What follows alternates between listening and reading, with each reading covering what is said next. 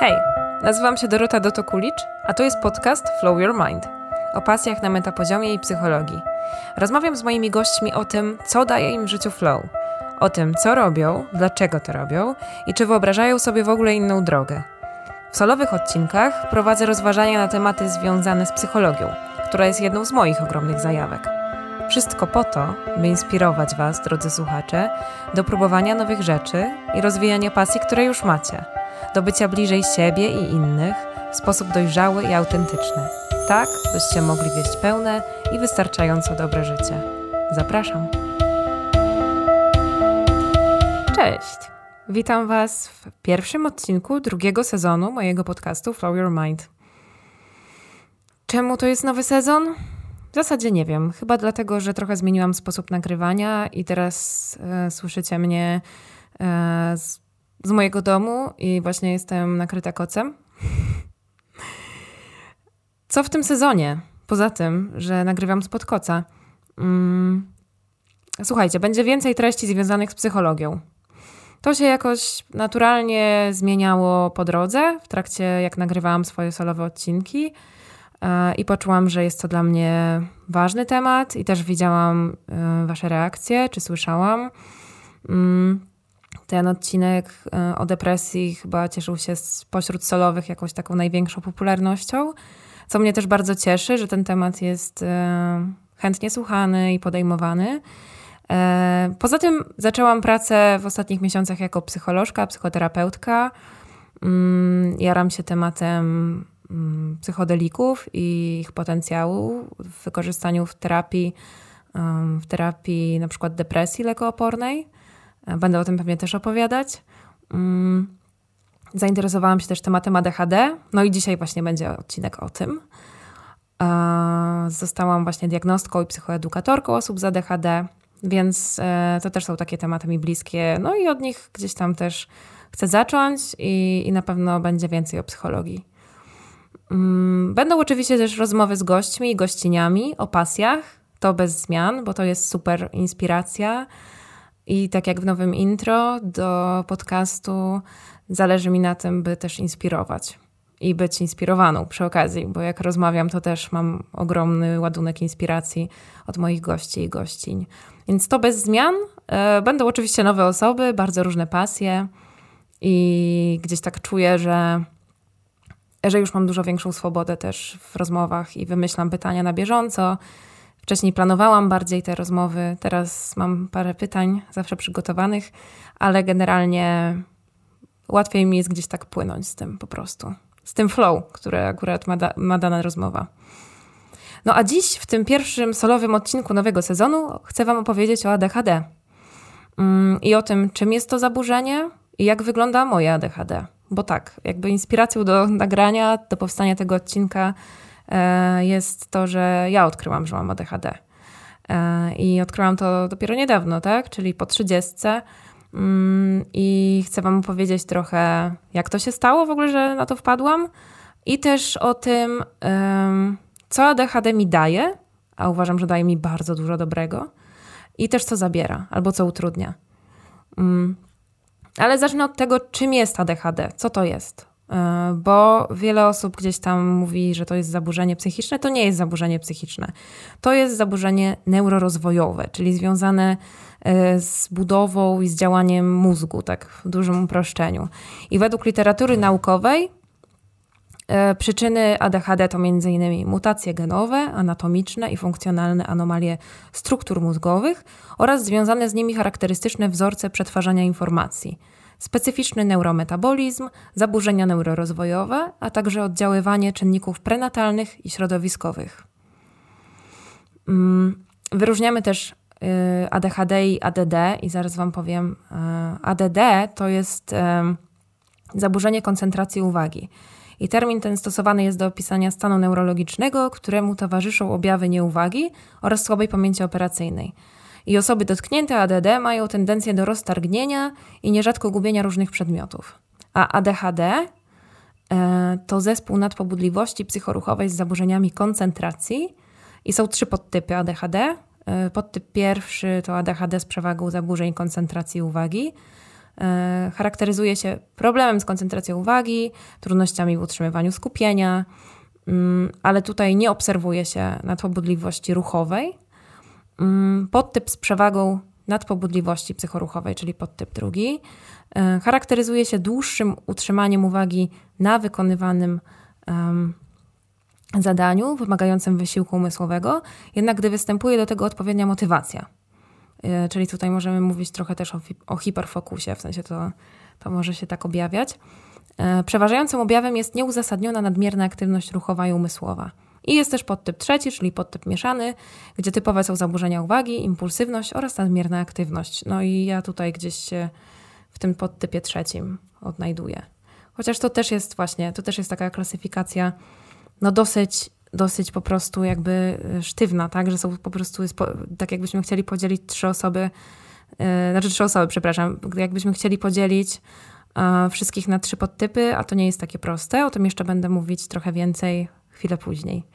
Um, chciałam wspomnieć o takim micie, że ADHD to jest choroba dziecięca, która mija wraz z wiekiem, tak? Czyli kończymy 18 lat i, i, i to przechodzi, ale to tak nie działa, to tak nie jest.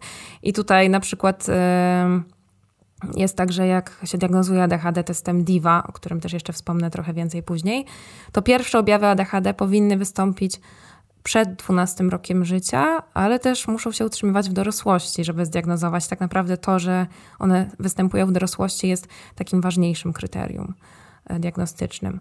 I co jest ważne, te e, objawy też powinny wpływać faktycznie jakoś na codzienne funkcjonowanie, żeby to ADHD zdiagnozować jako taki, no bo to też po prostu ona zmienia funkcjonowanie. Mm, I ja mam taką koncepcję ADHD jako spektrum. Na pewno słyszeliście o spektrum autyzmu. E, czyli jest to jakieś takie kontinuum, tak, że jest od 0 do 100% załóżmy, albo są dwie krańcowe cechy. No i że każdy jest gdzieś na tym spektrum. No to dla mnie ADHD jest spektrum, które ma takie trzy wymiary. Czyli mamy nadruchliwość, impulsywność i koncentrację uwagi. I każdy, kto ma ADHD, e, jest gdzieś na, na każdym z tych trzech wymiarów, i w związku z tym one się przecinają w różnych punktach u różnych osób taką, tak to sobie wyobrażam. Takie trzy linie, które się przecinają w różnych punktach i są takie i, i, i są krótsze albo dłuższe z jednej drugiej strony. Nie wiem, czy to sobie wizualizujecie. Mogłabym wam to narysować, ale to jest podcast i tego nie będzie widać. to teraz chciałabym przejść do mojej auto, autodiagnozy. Mm, I tutaj ważny disclaimer. E, bardzo trudno jest według mnie oddzielić objawy stricte wynikające z ADHD od na przykład cech osobowości, czy, czy w, no w tym temperamentu tak, i charakteru. Mm, czasem są też różne inne zaburzenia współwystępujące albo choroby psychiczne. E, każdy z nas żyje też w jakimś swoim środowisku, wychował się w innym środowisku i funkcjonuje w nim i dzieją się różne rzeczy, więc ja też będę teraz mówić o swoich e, takich powiedzmy objawach. Część z nich jestem pewna, że wynika z ADHD, część no, myślę, że jest na, gdzieś na przecięciu, na połączeniu może tego ADHD i moich cech osobowości. Zatem e, pamiętajcie, że to nie jest takie proste. I, I, każdy z nas jest nie tylko osobą na przykład z ADHD, ale też ma swoje właśnie cechy osobowości e, i różne sytuacje na przykład życiowe czy doświadczenia, które warunkują różne zachowania. Więc e, to jest bardzo skomplikowane, wiem, ale pamiętajcie, że to tak działa. E, więc nie bierzcie wszystkiego tak jakby, że tak, aha, to jest ADHD, to jest ADHD. No więc jak to wyglądało? Gdzieś tam e, zaczęłam się zastanawiać i rozważać, że może, może, może mam HAT, w sensie, czyli tą chorobę afektywną dwubiegunową, bo widziałam, że funkcjonuje trochę w takich właśnie albo mam depresję, albo y, czuję się super dobrze i wtedy robię bardzo dużo rzeczy. Mm, I czasem czuję taką, takie mam, o, teraz mogę wszystko, nie? Wszystko będzie dobrze, wszystko mi się udaje albo uda. E, czyli takie trochę no, przekonanie, że wow, teraz będzie ekstra. I no tak, i miałam jakąś taką hipotezę w pewnym momencie swojego życia, ale skonsultowałam ją z moją e, psychiatrą i ona powiedziała, że no, że nie, że raczej to nie to, ale też nie, na przykład nie przekierowała mnie w stronę ADHD, że to może jest ADHD. To gdzieś tam przyszło do mnie, jak zaczęłam czytać trochę więcej na ten temat, zagłębiać się w literaturę i w różne artykuły na ten temat. Mm, I, I przyszło mi do głowy i zaczęły mi się trochę y, karty, że tak powiem, odkrywać. E, I, I różne takie, no oczy mi się po prostu zaczęły otwierać też na to, że aha, faktycznie. I że to w końcu wszystko tłumaczy. Czy może nie wszystko, ale wiele, naprawdę. I to była taka, tak, to była ulga. O tym jeszcze też więcej później powiem. Ale jak to w ogóle, mm, jak to w ogóle było, bo e, w dzieciństwie nie byłam, nie byłam takim dzieckiem, którego jest wszędzie pełno, e, które przeszkadza na lekcjach i jakoś, nie wiem, chodzi po klasie. Byłam raczej bardzo spokojna, wręcz wycofana. No ale też to jest tak, że właśnie, tak jak mówię, samo ADHD um, nie funkcjonuje w oderwaniu od, od innych e, okoliczności życiowych. No i te inne okoliczności życiowe według mnie to w moim dzieciństwie też wpływały na to, że ja, że ja byłam wycofana. I teraz nie będę wchodzić w szczegóły, ale po prostu tak informacyjnie dla Was. Mm, no, byłam spokojniejsza niż teraz, zdecydowanie. Mm, no, ale zawsze na przykład yy, zawsze kręciłam włosy wokół palca. Od dziecka. Tylko jak miałam krótkie, takie na chłopaka byłam ostrzyżona w pewnym momencie, to tego nie robiłam. E, I też sobie zaczęłam przypominać po prostu kolejne rzeczy, nie? Więc to kręcenie włosów. Też miałam tak, że gdy czułam się swobodniej, to jednak gadałam na lekcjach i trochę e, przeszkadzałam.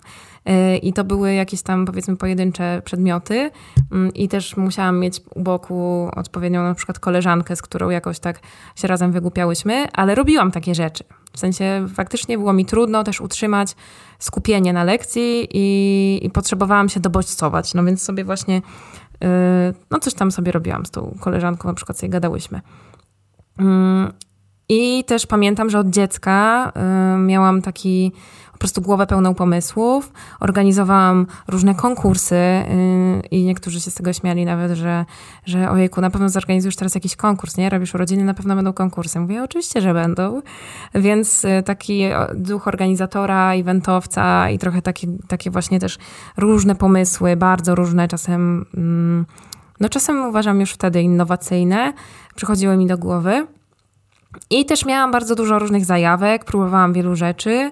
I większość z tych rzeczy porzucałam gdzieś na swojej drodze. To może być y, za DHD, ale to może być też po prostu taka czysta dziecięca ciekawość świata, więc tutaj ten disclaimer mocno tutaj dorzucam.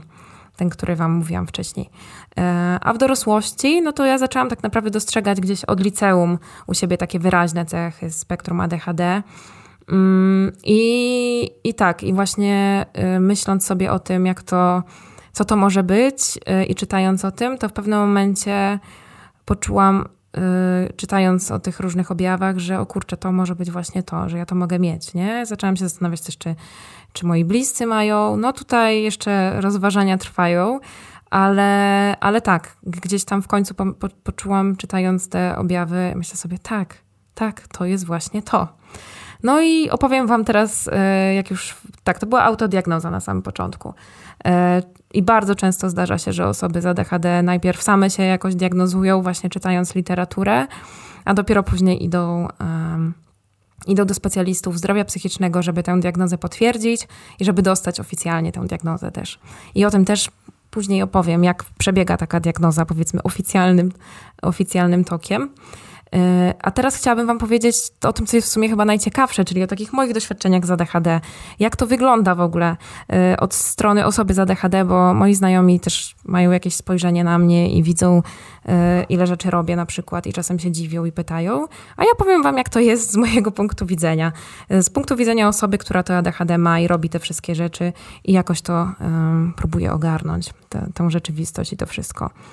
E, więc e, tak, podzieliłam to na wady i zalety, aczkolwiek uważam, że każda, dzięki mojej praktyce psychoterapeutycznej też wiem i robię takie ćwiczenia czasem z moimi pacjentami, wiem, że, mm, że każda wada może ma też swoje plusy, a zaleta ma minusy, więc to tak z, no ale jak, jakiś podział postanowiłam przyjąć. Więc zacznę od wad, czyli od tego, co jest dla mnie trudne w tym ADHD, w tych objawach. Mm, to, co jest trudne, to jest na przykład nerwowość, niepokój, łatwe pobudzanie się. I to nie jest zawsze przyjemne pobudzenie, bo czasem to jest tak, że ja jestem właśnie w takim, no mam po prostu jakiś taki niepokój, odczuwam. I ten niepokój jest, i psych, jest psychoruchowy, e, że czasem muszę po prostu robić jakieś rzeczy, nie wiem, jakieś nerwowe ruchy wykonuję, albo wpadam na, nie wiem, upuszczam, o, upuszczam różne przedmioty, e, telefon na przykład, no ja muszę mieć zawsze case i szkiełko, bo inaczej miałabym już dawno popsuty telefon wielokrotnie, e, więc taka po prostu nerwowość, która przejawia się też w, w ruszaniu się, tak, w sensie w, w tej warstwie którą widać na zewnątrz i myślę, że widzą ją też inni. Um, kolejna, powiedzmy, wada, tak? To jest taka też nadmierna gadatliwość. Czasem mi się zdarza bardzo dużo mówić na jakimś spotkaniu, przegadywać też innych, przerywać innym, albo kończyć za nich zdania, tak? Bo ja się domyślam już, co chcę powiedzieć i myślę sobie, no dobra, jejku, no już wiem przecież, co chcesz powiedzieć, więc kończę to zdanie, no i przerywam. No i to... Yy, i tutaj jest to ważne, że jakby ja wiem, że nie powinno się tak robić, że ja też tak nie chcę robić, że chcę dać przestrzeń innym, ale jest to trudne. Po prostu jakby jeżeli jestem w e, silnym pobudzeniu emocjonalnym, to bardzo trudno mi się powstrzymać. Ale to jeszcze, jeszcze trochę o tym powiem później więcej. Um, bycie w emocji, tak to zapisałam, czyli trochę to, o czym już mówiłam, tak? I czasem jest tak, że ja jestem w jakiejś silnej emocji, na przykład, kiedy mówię o czymś, co mnie ekscytuje, nie wiem, przez nawet nie, nie że tylko przez chwilę, ale przez całe spotkanie albo przez dużą część spotkania. No i wyobrażam sobie, że to może być też przytłaczające dla innych, kiedy ja dużo mówię i podnoszę, podnoszę głos albo głośno się śmieję e, i, i tak, jestem taka pobudzona. Mm, no i mam też właśnie w związku z tym pobudzeniem też trudności z koordynacją ruchową i na przykład jak się spieszę gdzieś i już jestem spóźniona, co też bardzo często się zdarza osobom z ADHD, że poczucie czasu jest trochę y, zaburzone, no to y, wpadam na przykład na meble, na futryny, y, upuszczam przedmioty, zaczepiam się o klamki ubraniami i tym podobne, no i przez to mam na przykład ciągle też siniaki na ciele, więc jakby jest to tak i to jest, to jest faktycznie taka, to jest też potwierdzone, nie? bo kiedyś myślałam, że to może coś neurologicznego, no tak no w sumie to jest trochę neurologiczny objaw, jako że jest to zaburzenie neurorozwojowe, ale tak, tak, to też się zdarza. Szczególnie w takim właśnie pośpiechu, pobudzeniu, to się zdarza. E, zdarza się po prostu wpaść na coś i się trochę porozbijać. Mm. Co jest jeszcze takiego? Niesłuchanie. No właśnie. E, to wzięłam trochę w cudzysłów, bo e, to nie chodzi o to, że ja nie słucham, tylko bardzo często też zapominam, co powiedział ktoś do mnie przed chwilą bo na przykład coś mnie rozproszy, tak? Bo na przykład jest jakiś dźwięk, który odciągnął na sekundę moją uwagę i już mi to wypada z pamięci. E, ale też czasem właśnie, no nie wiem, nie zapamiętuję imion, no ale to nie jest powiedzmy jakaś taka bardzo rzadka przypadłość, bo wiem, że wiele osób na imprezach, jak na przykład przychodzi mówi, dobra, yy, przedstawmy się, ale ja nie, pamię- nie zapamiętam waszych imion, sorry, po prostu za, za dużo informacji. I to prawda, a ja po prostu też jakby mam wrażenie, że jeszcze mniej pamiętam często niż, niż moi różni znajomi, którzy tego ADHD raczej nie mają. Mm, gdy jest za dużo bodźców, to też dużo gorzej zapamiętuję e, wydarzenia. I na przykład, e, no najlepszy przykład to są moje wydarzenia, w sensie moje eventy, które organizuję, czyli na przykład Myśli Gonitwa, czy jakiś inny event e, większy jeszcze. Mm, no to ja tyle rzeczy muszę tam równolegle ogarniać i, i myśleć o nich i koordynować ludzi i, i do wszystkich jakby co chwilę się przełączam między różnymi zadaniami, że ja po prostu wtedy, jak ktoś na przykład chce ze mną porozmawiać, to ja mówię, nie, nie, nie, nie, nie możemy rozmawiać ani po evencie, ani w trakcie, ani przed, bo po prostu mój mózg tego nie ogarnie i nie zapamięta, więc się nie umawiam na żadne y, spotkania przy tej okazji i no i po prostu też często nie pamiętam pewnych y, fragmentów jakoś tak, no właśnie, pewnych na przykład rozmów, bo jestem w tym działaniu tak mocno zanurzona, że, że po prostu mózg jest przebodźcowany i już więcej nie przyjmuje i nie zapisuje w pamięci długotrwałej. Mm, no i tak, i też właśnie super łatwo się rozpraszam, i moja uwaga skacze, jak taka piłeczka po prostu kauczukowa. Wystarczy na przykład jakiś dźwięk, nie wiem, jestem na spotkaniu na przykład w restauracji i, i jest jakiś dźwięk. Ostatnio to pamiętam, że że, e, że kelnerka miała tipsy i wbijała e, jakieś zamówienie na, i stukała nim o ekran i zwróciłam na to uwagę i tak samo zwróciła na to uwagę moja koleżanka, która z kolei jest z spektrum autyzmu i no nawet nas to jakoś rozbawiło, że właśnie my tak mamy, byłyśmy z koleżanką, która nie ma ani tego, ani tego i ona w ogóle na to nie zwróciła uwagi. Więc to są takie drobiazgi różne, ale naprawdę to e, przy przeskoku uwagi potrafi spowodować, że mnie to wybija w ogóle nawet w środku zdania, tak? Ja po prostu nie kończę tego zdania, bo mi się urywa myśl. E, też e, mam także ruch, e, czyjś ruch, tak? Też mnie potrafi rozproszyć. Na przykład jak siedzę blisko wejścia do lokalu i właśnie też jestem na spotkaniu i ktoś wchodzi, to ja zawsze muszę obczaić, znaczy muszę obczaić tę osobę, jak to brzmi, ale chodzi o to, że po prostu no moje oczy automatycznie lecą w tamtym kierunku i jak się coś porusza albo ktoś, no to po prostu to też mnie potrafi rozproszyć. Więc jeżeli jest ważna rozmowa, to lepiej się ustawić tyłem do, do tych wszystkich, nie wiem, korytarzy i, i przestrzeni poruszania się innych ludzi.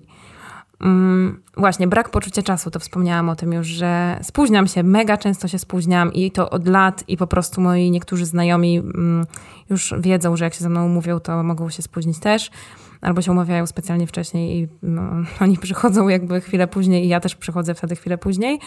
Mm, I to wynika z tego, że ja mam dużą trudność w, w ocenie czasu, tak? E, tak by w takim szacowaniu czasu potrzebnego na wykonanie danego zadania.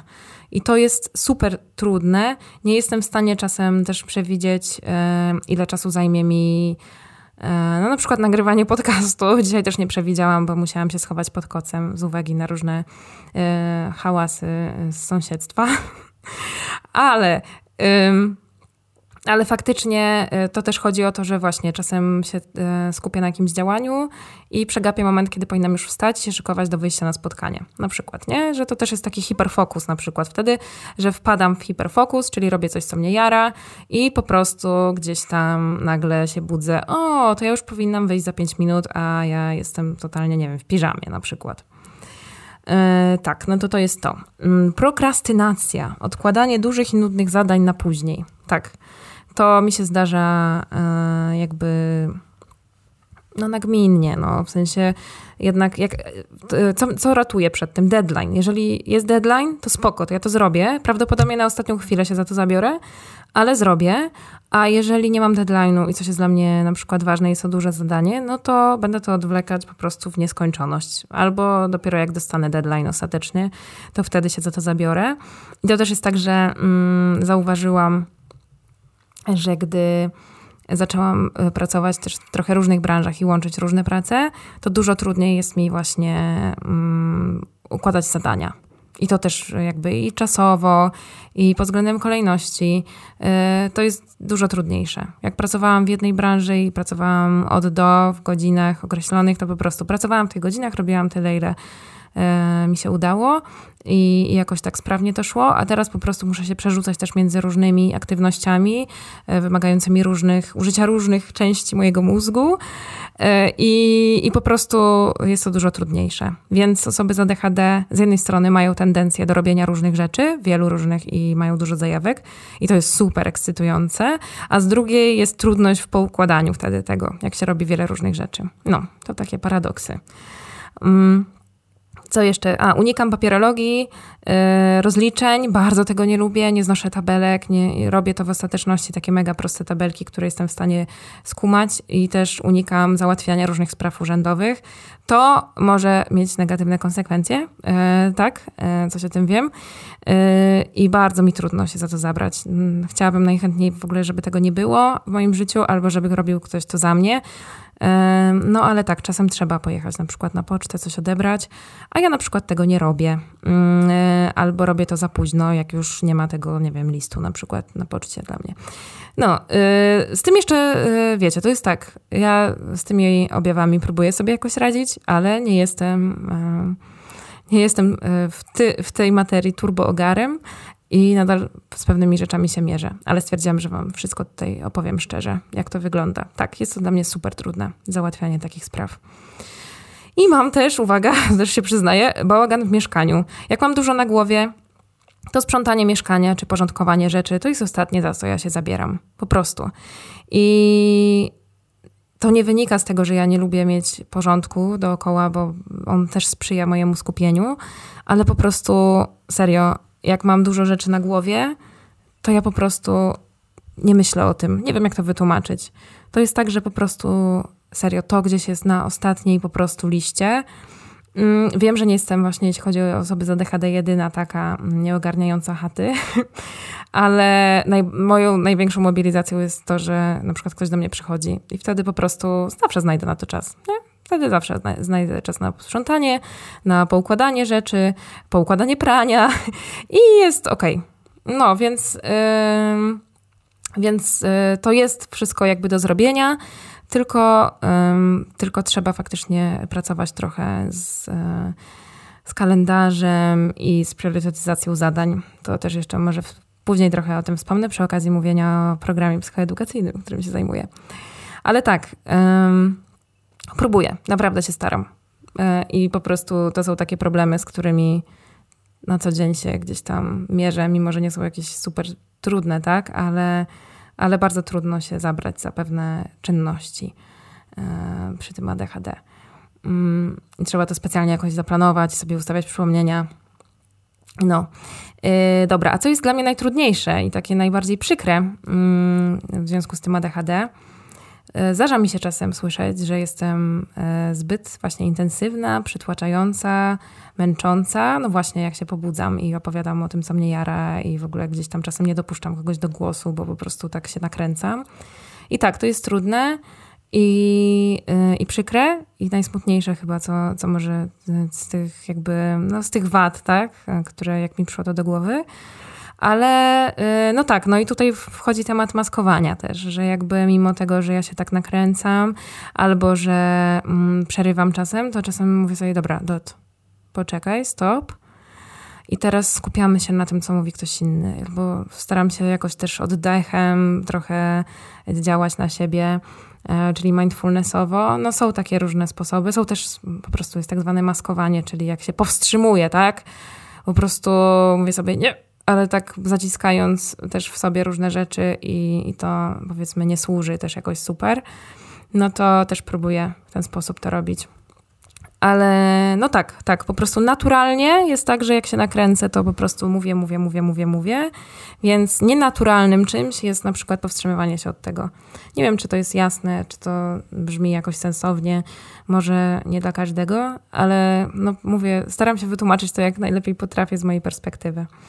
Mm, dobra, przechodzimy do zalet, e, które są absolutnie e, super i szczerze wolę mieć ADHD i mierzyć się z tymi konsekwencjami negatywnymi, e, ale mieć te wszystkie plusy z tego. Zaraz Wam opowiem co i dlaczego. Więc pierwszą taką zaletą, którą sobie wypisałam, to jest łączenie kropek z nieoczywistych obszarów i łączenie ludzi do wspólnych projektów, mm, no i też takie tworzenie niestandardowych pomysłów. I to faktycznie jest tak, że mi po prostu wpadają te pomysły nagle do głowy, nagle mi się łączy i nawet nie tak, że ja sobie rozkminiam jakiś temat, tylko Często mam w ogóle tak, że wstaję na chwilę e, od komputera, na przykład idę sobie zrobić herbatę i wtedy wpada mi pomysł. I mówię, tak, tak, tak zrobię. Albo tak zapytam, czy oni chcą coś razem zorganizować, albo o, to byłoby ekstra. Więc jakby tak, mój mózg mi wrzuca sam takie rzeczy. Jestem mu za to turbo wdzięczna, bo uwielbiam, uwielbiam te, te momenty i uwielbiam też, jak te projekty, które wpadają mi do głowy, w końcu się gdzieś tam realizują. Jest to absolutnie niesamowity uczuć i daje mi to ogrom satysfakcji w życiu w ogóle, e, nie tylko w życiu zawodowym, czy tam zawodowo-zajawkowym, jak to zaczęłam ostatnio mówić, ale po prostu to jest cudowne. To jest cudowne uczuć w ogóle, jak wpada taki pomysł do głowy. I jak jeszcze się podoba innym, e, których na przykład chcę wciągnąć w ten pomysł, to, to w ogóle ekstra. E, więc tak, mam też tysiąc pomysłów biznesowych na minutę. Mm, jakaś tak, ta kreatywność e, u osób z ADHD jest e, często mm, taka nieposkromiona i chyba wynika to z tego, że też pewne rzeczy, które mm, nawet są, nie wiem, no, no absurdalne, czy nie, nie wiem, dziwne, o moje ulubione słowo dziwne, albo jakieś niemożliwe się wydaje, wydają się niemożliwe do zrealizowania, albo niepotrzebne, no to mój umysł sobie na to pozwala i ja też odkąd, no nie wiem, no też myślę, że to jest kwestia wieku, terapii i w ogóle, że ja sobie też pozwalam na to dzielenie się tymi pomysłami, że się tego nie wstydzę, bo kiedyś się wstydziłam różnych e, pomysłów albo na przykład moich dziwnych żartów, mm, które też są często niezrozumiałe dla innych. E, no, więc, więc to są takie. Ja mogłabym po prostu otworzyć punkt punkt e, kupowania pomysłów na biznes na przykład, nie? I jeżeli ktoś z Was ma taką potrzebę, już chyba to kiedyś nawet mówiłam w jakimś odcinku, e, nie ma pomysłu, a chciałby koniecznie założyć swoją firmę, to zapraszam. To zapraszam, proszę się do mnie zgłosić.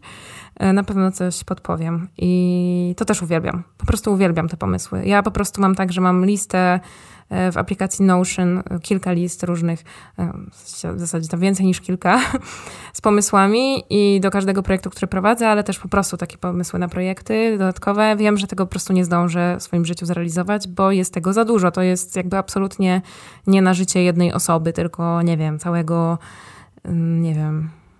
Mm, całej wielkiej korporacji, która by się tym pewnie wcale nie chciała zajmować, ale tak, więc w razie czego pomysły, to zapraszam, mogę coś oddać, bo po prostu szkoda, że to tak leży.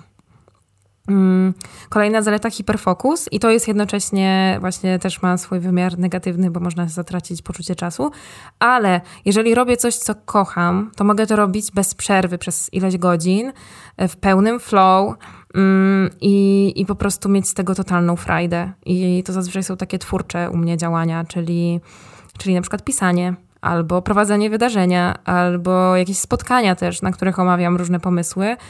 Albo co tam jeszcze? No, no tak, jak czytam, o, czasem jak czytam też na przykład na tematy y, związane z psychologią, takie, które mnie mega jarają, no to też. E, no jest dużo takich sytuacji, tak naprawdę nie ma co wymieniać wszystkich, ale jest to super uczuć takiego właśnie zanurzenia pełnego e, w poczuciu bez czasu i no tylko, że właśnie czasem budzę się albo za późno przed, nie mam wyjść i zapominam, że to już powinnam się zbierać albo, że powinnam zrobić jeszcze coś innego właśnie, na przykład mniej ekscytujące zadania, które też trzeba zrobić, załóżmy posprzątać dom, e, albo, albo też no też mi przyszło do głowy, że że to też jest męczące. Że jak jesteś w takim totalnym skupieniu przez jakiś czas dłuższy, to po prostu potem organizm jest zmęczony. I czasem się to dzieje kosztem też właśnie, nie wiem, na przykład jedzenia, bo ja zapominam zjeść. I gdzieś potem pędzę i mówię, o Boże, dzisiaj jeszcze nie jadłam śniadania, a jest 15. Więc tak, zdarzały mi się też takie dni. Yy, I no tak, więc po prostu yy, zalety mają też swoje minusy. Mm, kolejna zaleta, ja to wrzuciłam jako zaletę, działanie z impulsu, od razu, w to i teraz. Pojawia mi się pomysł i ja od razu przechodzę do działania. Dzięki temu szybko i sprawnie załatwiam e, różne sprawy. E, zazwyczaj to musi mnie też jakoś tam chociaż trochę ekscytować, ale właśnie przychodzi mi ten pomysł na przykład do głowy i ja od razu po prostu zamiast rozważyć, o to może usiądę do tego za tydzień albo w piątek, to ja mówię, dobra, no to ja od razu piszę do tej osoby i załatwiam. I tak, i wiele osób to dziwi, że ja tak od razu mówię, dobra, no to ja od razu napiszę, nie? Tak sobie gdzieś zapamiętałam taką zasadę, że jak coś ci ma zająć dwie minuty, to zrób to od razu. Więc jak coś ma zająć pół sekundy, znaczy dobra, pół minuty, to, to tym bardziej to robię od razu. I uważam, że z tego dzięki temu też wiele działań idzie bardzo szybko u mnie. Yy, I jak coś faktycznie się za coś zabiorę, żeby to załatwić, to, to idzie sprawnie. Mm.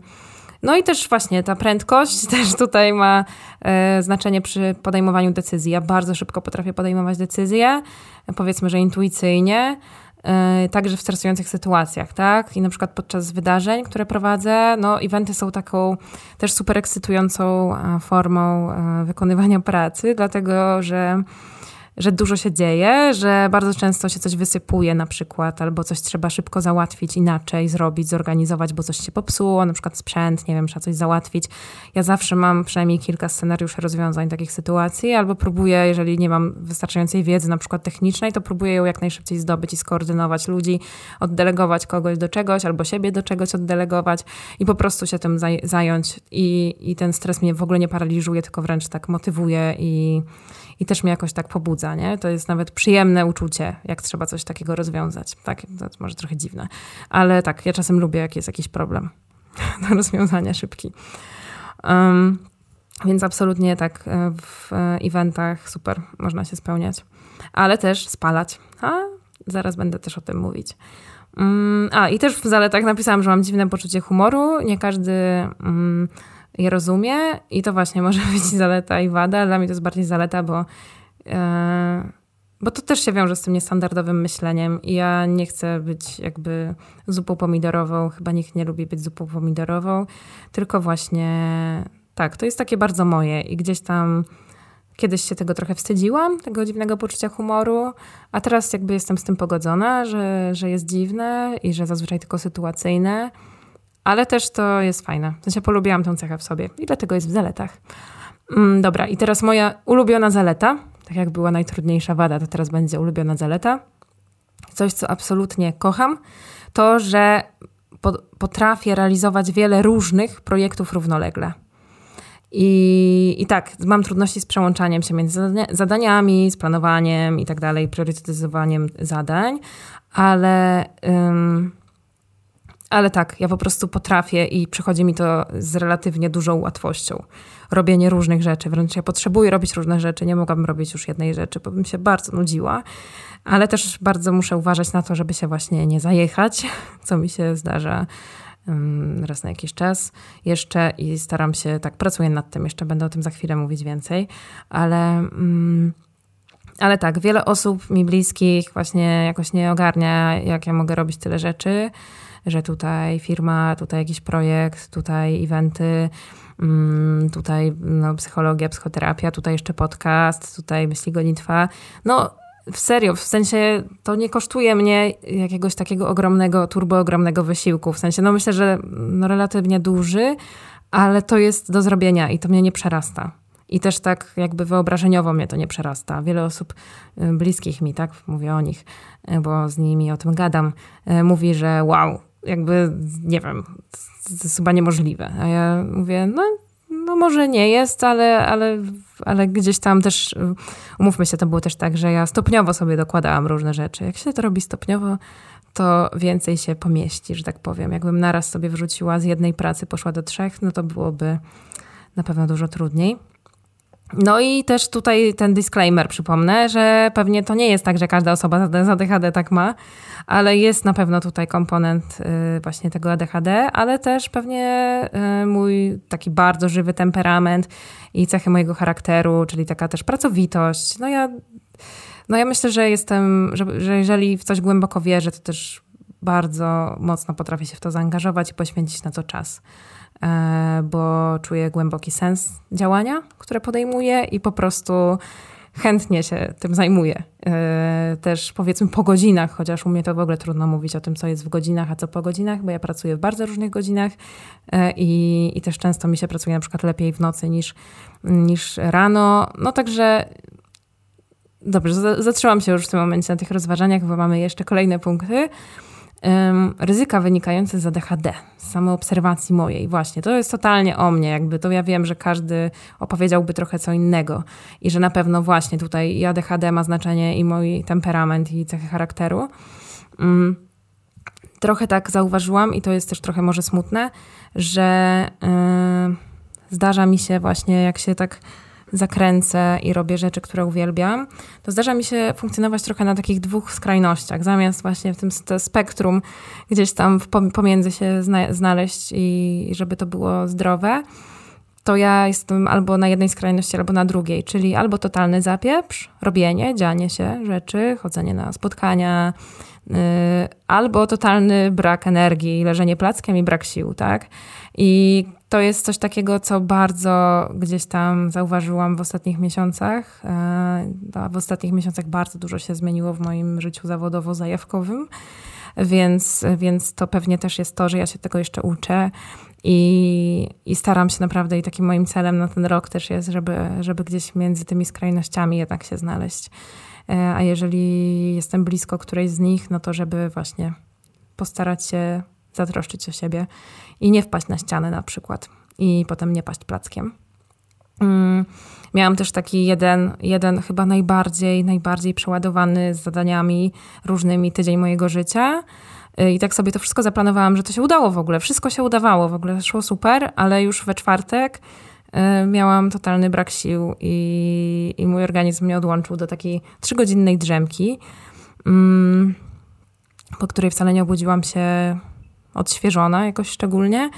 No i postanowiłam sobie, że to był ostatni taki tydzień w moim życiu, który tak sobie wypchałam zadaniami, że sama sobie trochę to oczywiście załatwiłam, trochę się poskładały też terminy takie, że no ale generalnie wiem, że miałam na to wpływ i, i tak sobie to zrobiłam, więc yy, tak, to była i to trzeba tu zaznaczyć, że to były po prostu mega ekscytujące zadania, mega, wszystko to, co dużo kreatywnych, dużo takich twórczych, dużo, dużo też, te, też wtedy nagrywałam na przykład podcast w studio i po prostu tak, to było za dużo. I poczułam to już we czwartek, ale trzeba było dociągnąć jeszcze do poniedziałku, bo wtedy w weekend chyba miałam szkołę. No w każdym razie y, nie chcę więcej tego robić i myślę, że trzeba uważać bardzo, wkręcając się w różne y, zajawy, mm, czy z ADHD, czy bez, mm, żeby sobie po prostu nie zrobić krzywdy. Mm, no i właśnie, i też takimi moimi towarzyszami życia, E, też właśnie w ostatnich miesiącach jest ekscytacja i zmęczenie jednocześnie. E, ekscytacja tym, co robię, trochę niedowierzanie czasem, że to mam okazję robić, mam taką możliwość, a z drugiej strony robię tyle różnych rzeczy i też się, jak się właśnie w coś wkręcę, to o tym na przykład czytam długimi godzinami i potem się nie wysypiam, więc jestem zmęczona. Tak. Jakie mam jeszcze doświadczenia? Huśtawki nastrojów i to też jest gdzieś wymieniane w literaturze jako jeden z objawów.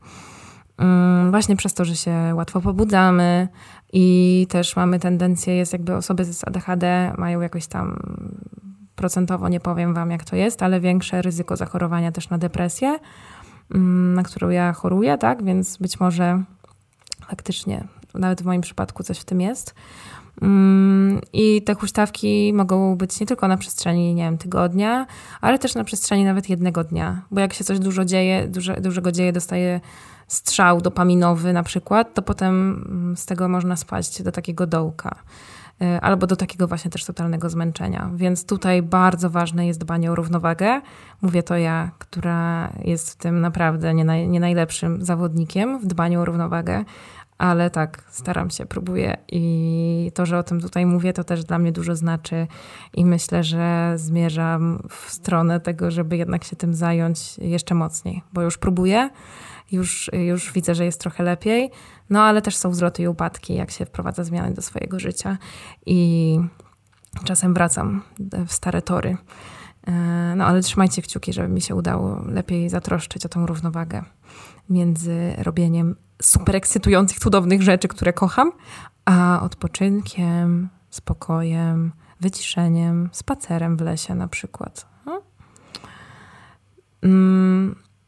Tak, też o tym już wspominałam. Praca i skupienie, że kiedyś było spoko, gdy miałam jeden rodzaj zadań, a teraz jest trudno bardzo, bo łączę różne zajęcia. No i tak, i tutaj jakby priorytetyzacja zadań, e, czyli ustalanie sobie na przykład planu dnia na dany, właśnie planu dnia, e, zadań na, na dany dzień i nadawanie im priorytetów A, B, C. A to jest najwyższy priorytet, B to taki trochę niższy, ale też dosyć ważny, a C to są zadania, które mogą poczekać generalnie. Raczej te, tego dnia nie są konieczne do wykonania, ale jak się zdąży, to to spoko. No i tak, to tak, taki mały tip e, z psychoedukacji. Tak, próbuję tak robić, próbuję, naprawdę. Yy, I tylko czasem coś też wskakuje i to jest chyba najtrudniejszy moment, kiedy coś właśnie ten rozpraszacz nagły, na przykład nagłe zadanie jakieś do zrobienia i wtedy, wtedy trochę yy, jest taka dezorientacja, to ja, to co ja mam teraz zrobić. Ale już nie będę teraz wchodzić w głębiej w to, bo to yy, na psychoedukację zapraszam. Yy.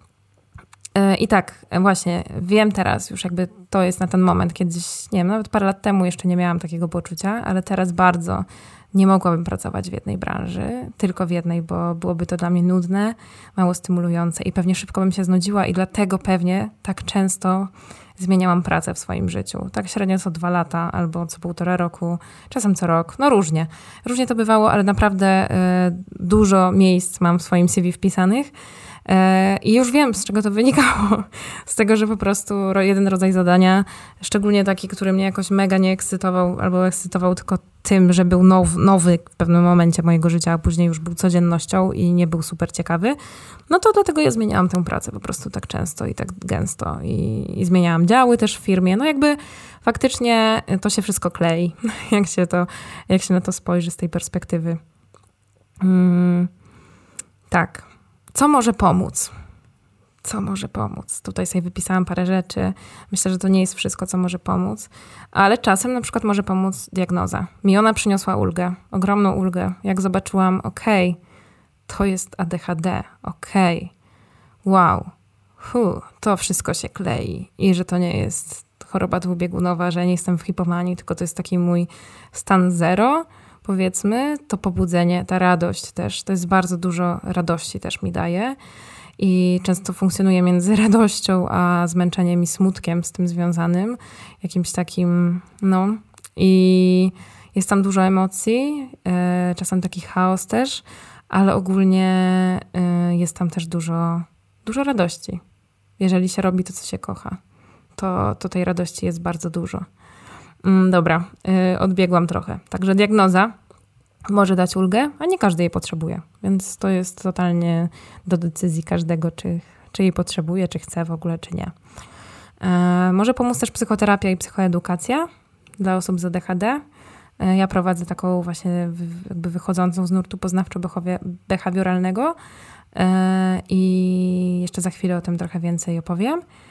Mm, może też pomóc farmakoterapia, no ale do tego jest potrzebna diagnoza, trzeba pamiętać, diagnoza od psychiatry, który przepisuje leki, na przykład stymulanty, takie jak Medikinet.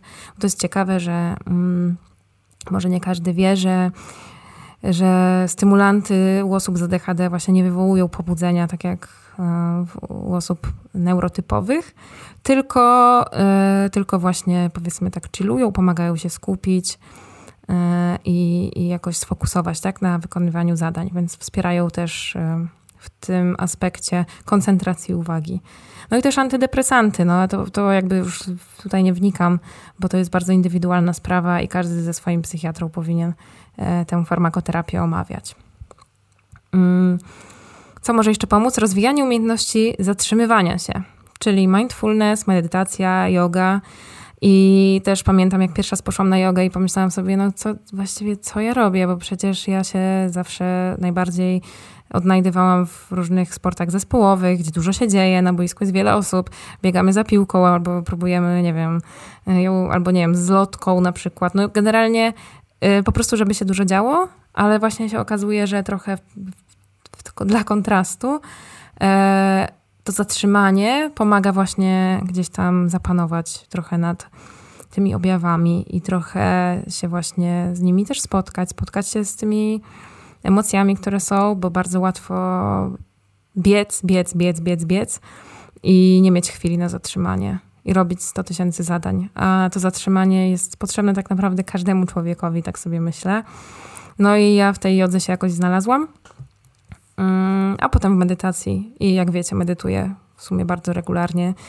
I to też mi pomaga się zatrzymać. I myślę, że praktyka uważności też może pomagać właśnie w tym, żeby się zatrzymywać też podczas spotkań, na przykład z bliskimi ludźmi i gdzieś tam nie przerywać im i łapać ten moment właśnie, o dobra, widzę, teraz jestem nakręcona, to spróbuję, nie wiem, pooddychać, albo wyjdę na chwilę pooddychać, nie wiem, do, pójdę do łazienki, nie? I, I po prostu tam chwilę się zatrzymam ze sobą i wrócę i postaram się być bardziej uważna na to, co mówią inni. Mm.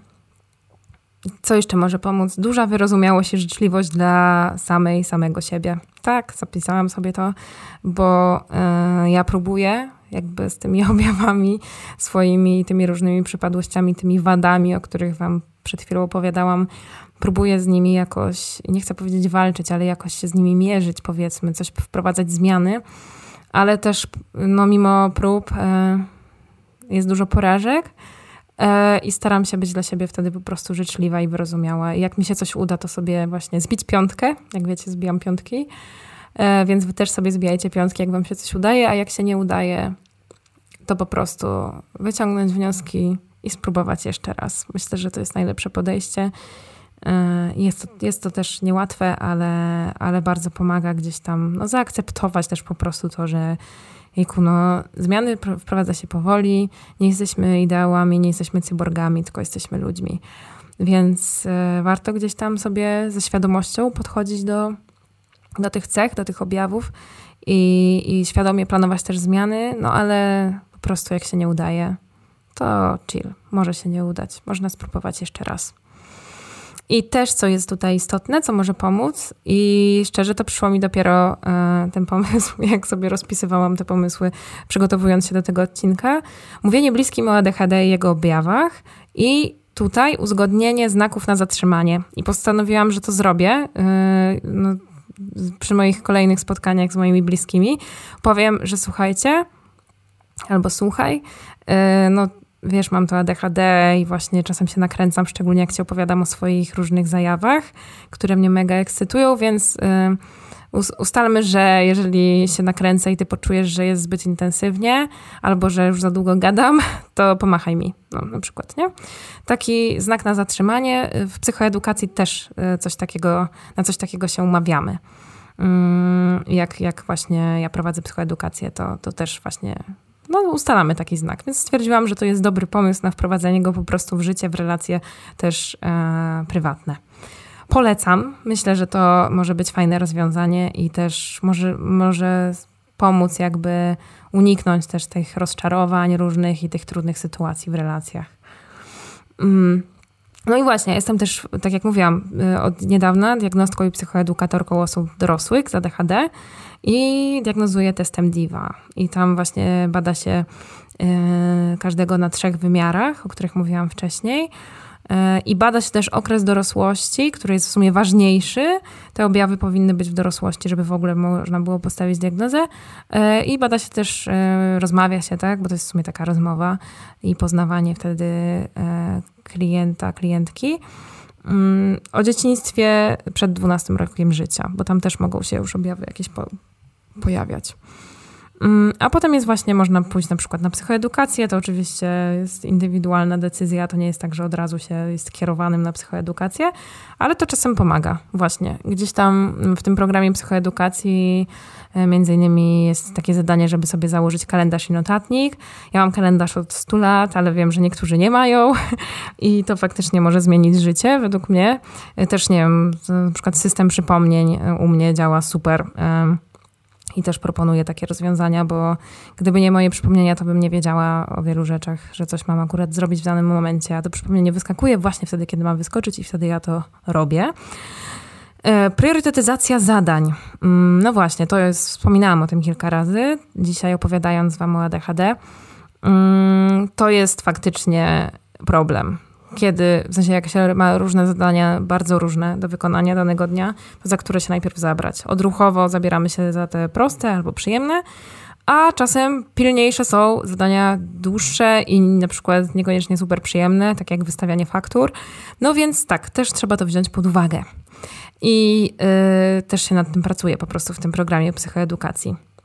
Yy. Szacowanie i sprawdzanie czasu potrzebnego na wykonanie określonych zadań to jest tak super ciekawe, bo sprawdzamy po prostu na sobie, ile myślimy, że nam zajmie jakieś zadanie, a potem mierzymy czas i sprawdzamy, ile faktycznie zajmuje ono czasu. To zadanie.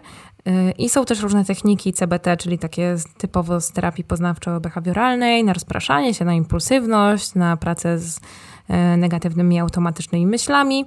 Mm, pracujemy też nad prokrastynacją i są też czasem, jak starczy czasu, to się dorzuca takie sesje dodatkowe, e, na przykład o mindfulness, właśnie o tym zatrzymywaniu, e, asertywność, e, wpływ ADHD na relacje, takie różne zagadnienia. Jeżeli Was ten temat interesuje, to się odzywajcie do mnie już bezpośrednio na Instagramie .oku albo na fanpage'u Flowhunter na Facebooku. Mogę Wam opowiedzieć o tym trochę więcej. Mm, I zbliżamy się już do końca tego odcinka. E, na koniec chciałabym Wam dać kilka polecajek, e, takich, gdzie możecie się dowiedzieć trochę więcej na temat ADHD.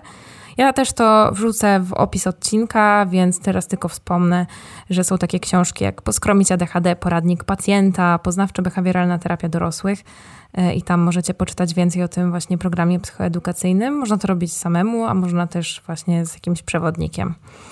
Mm. E, kolejna pozycja to ADHD, mózgłowcy i inne supermoce e, oraz ADHD u dorosłych, jak ułatwić sobie życie i uspokoić myśli. Polecam Wam też podcast Atypowe e, i daję Wam linka do Spotify'a. Możecie sobie posłuchać. To są rozmowy z różnymi osobami właśnie głównie o doświadczeniu życia z ADHD czy z inną neuroatypowością. Mm. A na sam koniec chciałam Wam powiedzieć, jak wygląda taka legitna diagnoza ADHD. Standardowo, tak, no bo to też różnie wygląda, ale, ale standardowo idzie się najpierw do psychologa diagnosty i przechodzi się badanie jakimś testem, na przykład tą divą, którą ja badam. Potem się idzie z tym wynikiem do psychiatry i psychiatra stawia ostateczną diagnozę e, i przepisuje ewentualnie jakąś farmakoterapię. Mm, no i potem można też jeszcze chodzić właśnie na psychoedukację, żeby sobie gdzieś tam poradzić z tymi E, z tymi objawami w takim standardowym, codziennym, dorosłym życiu. E, I czasem się zdarza, że z psychoedukacji się przechodzi w psychoterapię, bo pojawiają się też różne tematy do przepracowania. Ale to jest indywidualna droga. Po prostu gdzieś tak chciałam Wam powiedzieć, jak wygląda taka diagnoza. No i tym, tym samym dochodzimy do końca dzisiejszego odcinka. E, mam nadzieję, że zostaniecie ze mną na cały kolejny sezon, który nie wiem ile będzie miał odcinków, ponieważ e, ten podział sezonowy przyjęłam po prostu, zrobiłam sobie przerwę i, i dlatego, e, dlatego teraz jest to po prostu nowy sezon. Um, dziękuję Wam za wysłuchanie mnie. Jeśli macie jakieś pytania dotyczące tego ADHD, to zapraszam do kontaktowania się przez sociale. I co, dziękuję Wam bardzo. Do usłyszenia w kolejnym odcinku. Dziękuję Ci za wysłuchanie tego odcinka podcastu Flow Your Mind. Jeśli Ci się spodobał, możesz zasubskrybować mój kanał, ocenić, skomentować lub dać łapkę w górę. Dzięki temu pomagasz moim treściom docierać do szerszego grona słuchaczy. Po więcej, zapraszam Cię na moje konto na Instagramie, dotoku oraz na mój fanpage Flow Hunter na Facebooku. To przestrzeń, w której możesz dzielić się swoimi przemyśleniami i, jeśli tylko chcesz, napisać do mnie. Do usłyszenia w kolejnym odcinku podcastu.